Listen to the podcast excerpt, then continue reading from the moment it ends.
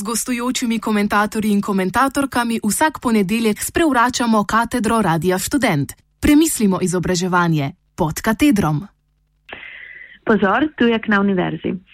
Internacionalizacija visokega šolstva je v zadnjih desetletjih postala neobhoden pojem. Izrazi kot so Erasmus izmenjava, Erasmus praksa, mednarodne pisarne, bilateralne pogodbe in izmenjava akademskega osebja so postale del študentskega in akademskega vsakdana. Na osebni ravni jo mnogi verjetno povezujejo z nepozabno Erasmus izkušnjo, drugi z možnostjo pridobivanja delovnih izkušenj v tujini, tretji s priložnostjo za kakovostno izobraževanje in četrti z zaposlitvijo na tuji univerzi.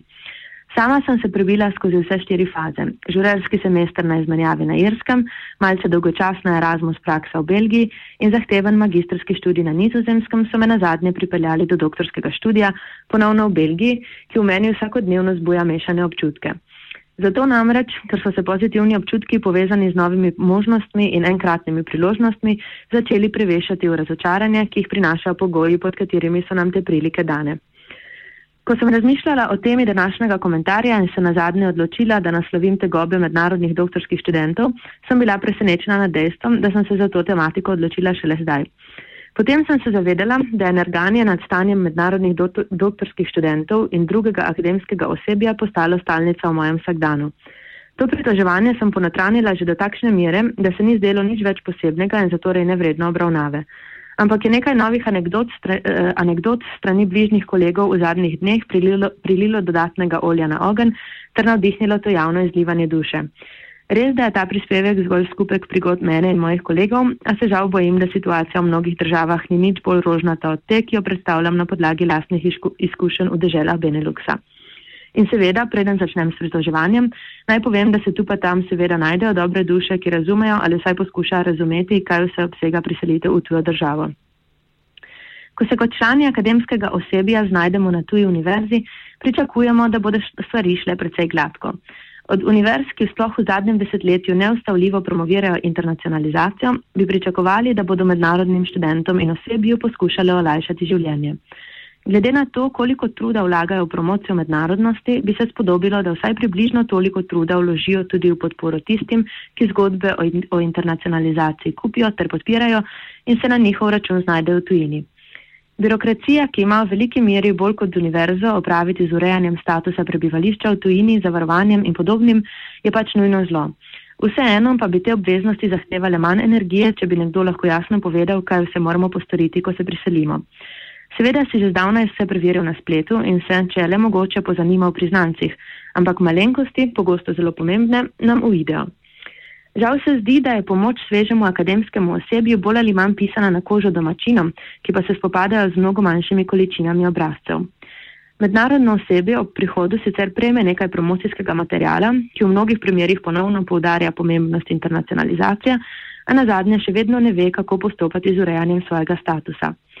Na to v prvih štirih do petih meseci, mesecih počasi ugotavljaš, kako stvari funkcionirajo, včasih pa še po več kot enem letu naletiš na informacijo, ki bi jo očitno moral izvedeti že v prvih dneh po prihodu in se ponovno vprašaš, kako to, da mi tega ni nihče povedal že prej. In potem si rečeš, no, zdaj vem, malo pobentiš čez birokracijo in nekoristnosti oddelkov, ki naj bi ti s tem pomagali in se premakneš dalje. Ko manjši ali večji birokratski zapleti postanejo del vsak dana in se na nje naučimo učinkovito odzvati, se že počutimo malo bolj domačeni. Ampak, ampak potem je tu dnevni ritem oddelka, ki nas zaposluje. Če živimo v državi, katere jezik nam ni ravno domač, se ta lahko izkaže kot velika ovira.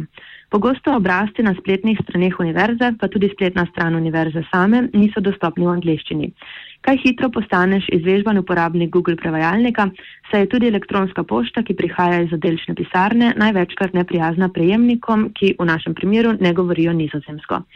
Praksa je podobna na raznih fakultetnih in oddelčnih sprejemih. Kljub temu, da vodilni, največkrat v nizozemščini, kako pak, izrazijo svoje navdušenje nad mednarodnim osebjem, govori še vedno ostajajo nizozemski. Včasih slišiš obljube, da bodo kmalo sprejeli pravilnik, ki bo določal jezik komunikacije. Izgleda pa, da brez pravilnika to preprosto ni mogoče. Potem so tu še manj formalizirani trenutki. Naprimer, ko se med kosilom v delčni kuhinji znajdeš sam med številnimi domačini in preden se zaveš, se pogovor preklopi z angleščine v nizozemščino. Tu ne gre za stvar pravilnikov, gre za stvar olike. Želja po integraciji se zato, vsaj v mojem primeru, iz dneva v dan zmanjšuje. Ne zanikam, da bi lahko v učenje lokalnega jezika lahko vložila veliko več časa in truda, kot sem ga doslej, pa vendar gre za dvosmeren proces. Integracija na vse zadnje ni le na strani prišlekov, temveč mora prihajati tudi strani domačinov. Dolgo sem menila, da sem morda res preveč prezetljiva do lokalnega jezika in skoraj pregovorne zaprtosti domačinov, vendar sem se po več kot letu mišljenja, da bi se res morala integrirati v delčno skupnost, predala. In dejstvo je, da o tem nisem sama.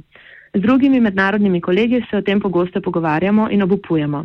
Očitno je zato, da je mednarodno osebje enakovredno sprejeto na univerzo, res potreben pravilnik. Pa se zgodba tu žal še ne konča. Potem pridemo do stvari, ki lahko imajo dejanski vpliv na našo nadaljno kariero. Naprimer to, da univerza ponuja pedagoške tečaje za mlade akademike, vendar ti potekajo zgolj v nizozemščini. Poleg tega je priložnosti za poučevanje tako ali tako malo, ker se večina programov izvaja v nizozemščini. S tem seveda ni nič narobe, saj ne moremo pričakovati, da bodo vsa predavanja potekala v angleščini. Pa vendar bi univerza morda morala premisliti o alternativah za mednarodno osebje, vsaj v začetnih fazah, ko še ne obvladajo lokalnega jezika. Potem sledijo še pripetljaji, ki kažejo na čisti ksenofobizem. Slišala sem več kot eno zgodbo o tem, kako so na nekaterih oddelkih domači doktorski študenti privilegirani v primerjavi z mednarodnimi. Za prve se najde denar za konferenco v tujini, za slednje ne. Prvi lahko obiščejo poletno šolo, slednji si tega ne zaslužijo. In preprosto, prve se spoštuje, slednji pa so tu zgolj zato, ker se hočejo na račun gostujoče države okoristiti. V nekaterih primerjih je to mogoče res. V nekaterih primerjih so mednarodni doktorski študenti morda res manj usposobljeni kot domači. Vendar pa so žal neredki primeri, ko niti objektivna merila, naprimer avtorstvo mednarodno odobravanih strokovnih člankov, ne zadostujejo, da bi si mednarodni doktorski študent zaslužil ne boljše, temveč enake priložnosti kot domač študent, ki primerljivega znanja in sposobnosti ni uspel dokazati. Sama se na srečo nisem spopadla s takšno krivico, vendar sodeč po pripovedovanih kolegov, navedeni primer ni osamljen. Vrnimo se, se zdaj k internacionalizaciji, besedi, ki naj bi odražala željo po kakovosti, enakih priložnostih in recipročnemu učenju. Moja lastna izkušnja in izkušnje številnih kolegov žal kažejo na to, da je internacionalizacija v praksi nekaj popolnoma drugačnega kot internacionalizacija na bleščečih in vabljivih brošurah univerz.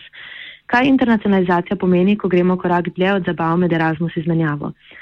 Kljub vse prisotnosti internacionalizacije v visokem šolstvu se zdi, da so univerze sicer pripravljene sprejeti mednarodno osebje, ki prispeva k izboljšanju njihovega ugleda, vendar pa tem istim posameznikom niso voljne lajšati tegob, ki jih prinese prilagajanje na tuje okolje, ter jim nuditi enakih priložnosti kot domačinom. Komentar sem pripravila Meta Gorup.